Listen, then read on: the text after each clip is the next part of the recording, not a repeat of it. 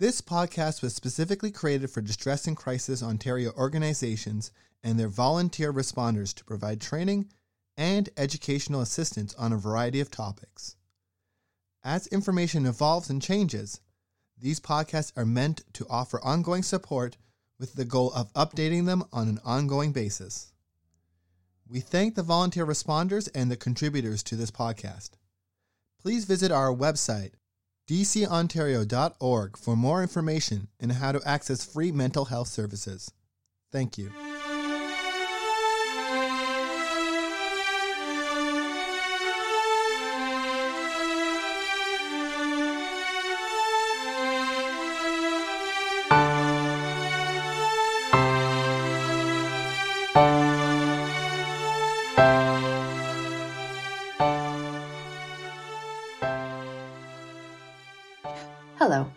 Name is Caitlin Plant, and I'm the Program Manager at Distress and Crisis Ontario. Thank you for listening to our podcast.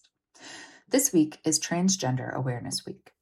Honored each year between November 13th to 19th, people and organizations around the country participate in Transgender Awareness Week to help increase visibility of transgender people and to address issues members of the trans community face. Transgender Day of Remembrance, or TDOR, observed at the end of the week on November 20th, is an annual observance that honors the memory of transgender people whose lives were lost in acts of anti transgender violence each year. The information in today's podcast comes from In Magazine, queerevents.ca, and glaad.org. What is the purpose of Transgender Awareness Week and Transgender Day of Remembrance? Transgender Awareness Week is a week when transgender people and their allies take action to bring attention to the community by educating the public about who transgender people are, sharing stories and experiences, and advancing advocacy around the issues of prejudice, discrimination, and violence that affect the transgender community. TDOR is internationally recognized on November 20th every year. This day was set aside to memorialize those who were killed due to anti transgender hatred or prejudice. The event is held in November to honor Rita Hester, whose murder on November 28, 1998, kicked off the Remembering Our Dead web project and a San Francisco candlelight vigil in 1999. Rita Hester's murder, like most anti transgender murder cases, has yet to be solved. TDOR serves several purposes. It raises public awareness of hate crimes against transgender people and is a day to publicly mourn and honor the lives of trans members of the community who might otherwise be forgotten. Through the vigil, we express love and respect for trans people in the face of public indifference and hatred. TDOR reminds non transgender people that trans individuals are people too. This day also gives allies a chance to step forward and stand in vigil alongside the trans community, memorializing those who have died by anti transgender violence. What are some trans rights that are often highlighted this week? To be clear, trans rights are human rights. When we talk about trans rights, we mean the right to exist without fear of harassment, violence, and discrimination simply because of being transgender. The trans community is constantly battling for the right to do everyday tasks with the same level of respect and decency as cisgender individuals. Cisgender meaning your gender identity matches your biological sex. Trans individuals want to live their lives without judgment. They want to walk down the street to work and school without inappropriate comments, stares, and general transphobia. They need to have the same right to visit the grocery store, bank, restaurants, and other businesses without experiencing discrimination. They want to be accepted equally for rental agreements, job opportunities, and team positions and not be denied solely because they are trans. They are people too, people just trying to go about their day. Trans folks deserve equal access to public services. They want to learn in an environment that acknowledges their existence and from an educator who does not attempt to erase or diminish their value as a human. They need to be able to access their local health unit, doctor's office, or pharmacy and receive accurate health information and services. When individuals in the trans community become victims of crimes, police departments, justice systems, and governments need to ensure these cases are treated with the same level of professionalism and expediency as all other cisgender cases. Change requires education and people brave enough to take a stand and be heard. When you hear and see transphobia, speak up. Silence does nothing except allow the hate and bullying to continue.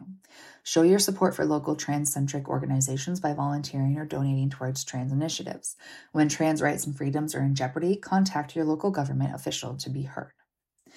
The following is Dr. Alex Abramovich's coming out story, as shared in In Magazine's article, Reflections on Transgender Awareness Week. I came out as trans 11 years ago while I was a PhD student working at a busy downtown hospital. I was interviewing a young trans person experiencing homelessness who turned to me midway through our interview and said, You're trans, right? What do you do when people stare at you on the subway? I had indeed been struggling with strangers staring at me in public, being asked, Are you a boy or a girl? and being chased out of nearly every public bathroom I went into. Regardless, I knew I had to be honest with myself and finally come out.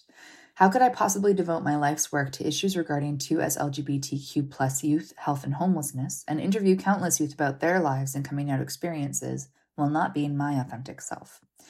I will always be grateful to the young person who unintentionally pushed me out of the closet and encouraged me to come out. However, there was nothing easy about my coming out or about the years that followed. Transphobic language and discrimination was very much ingrained into the culture of most institutional settings, and in many ways it still is. As an openly trans man with a strong personal connection to the work I do, I am often asked offensive questions and expected to educate people about anything trans related. Some people still do not see beyond my trans identity and instead see that as the defining factor of my existence. For example, some refer to me as, quote, the trans scientist, rather than focusing on my areas of expertise or accomplishments. I hope for a future where trans youth grow up not having to worry about whether they will be kicked out of the house or lose all of their friends and family for living authentically. I also hope for a future where we no longer need to gather on November 20th because trans lives are valued. So, why is talking about Transgender Awareness Week important? Dr. Abramovich's story illustrates the importance of devoting certain days or weeks to trans education and public awareness. Transgender Awareness Week, while meant to help educate and raise public awareness of the barriers and challenges that trans people often face in society, is also meant to encourage the public to help end transphobic stigma and discrimination. TDOR also raises public awareness of the violent reality that so many trans individuals continue to face daily here in Ontario, across Canada, and around the globe. Every year, the list of names of trans people murdered across the world grows. Trans women or trans feminine people account for the vast majority of those murdered, especially Indigenous and Black trans women, who experience disproportionate rates of violence, poverty, and homelessness. They are stigmatized, silenced, and made to be invisible in every possible way. Transphobia has serious consequences on the lives of trans people. Transphobia is dangerous, toxic, violent. It leads to suicide and is literally killing trans people daily. The fight for trans rights is far from over. We all need to stand up against violence and discrimination towards trans people so that all trans people can safely go to work and school and access public bathrooms, hospitals, and healthcare facilities without having to fear for their lives. Trans people deserve these basic rights just like anyone else. Trans youth deserve to grow up in a world where it is not a revolutionary act to just be themselves. If you are a trans person looking for support or would like to learn more about how to be an ally to the trans community, the following organizations are a good place to start. I would also highly recommend looking up local organizations that may be running events this week and for TDOR glaad.org forward slash TDOR. That's G L A A D dot org forward slash TDOR. Also contains some excellent resources and event guides. Trans Lifeline is a national organization that provides trans peer support for a community that's been divested from police since day one. They are run by and for trans people. You can learn more at translifeline.org. The Canadian Centre for Gender and Sexual Diversity is also a national organization that envisions a world in which people can shape the decisions that impact their lives, enjoy freedoms, and navigate an equal world free of violence. The Canadian Centre for Gender and Sexual Diversity will be a national force and partner of choice within the movement to end discrimination. Their website is ccgsd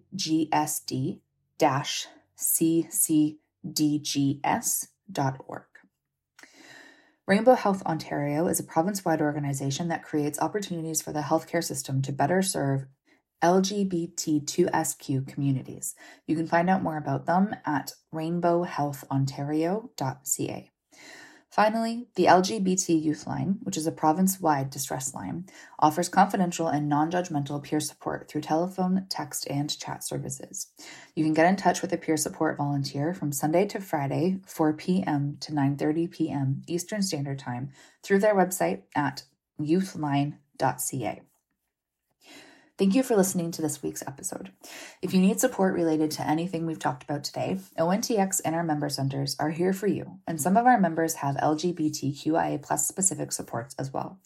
You can find your nearest member center by visiting our website at www.dcontario.org forward slash locations. ONTX can be reached via online chat from any page of our website using the Looking for Support sidebar, or can be texted by sending the word support to 258 258. ONTX is available from 2 p.m. to 2 a.m. Eastern Standard Time daily, and many of our member centers operate 24 7. As always, if you would like to provide any feedback or request future content, please fill out the feedback form linked in the show notes of this episode. We would love to hear from you. I hope you have a wonderful week and join us again next time.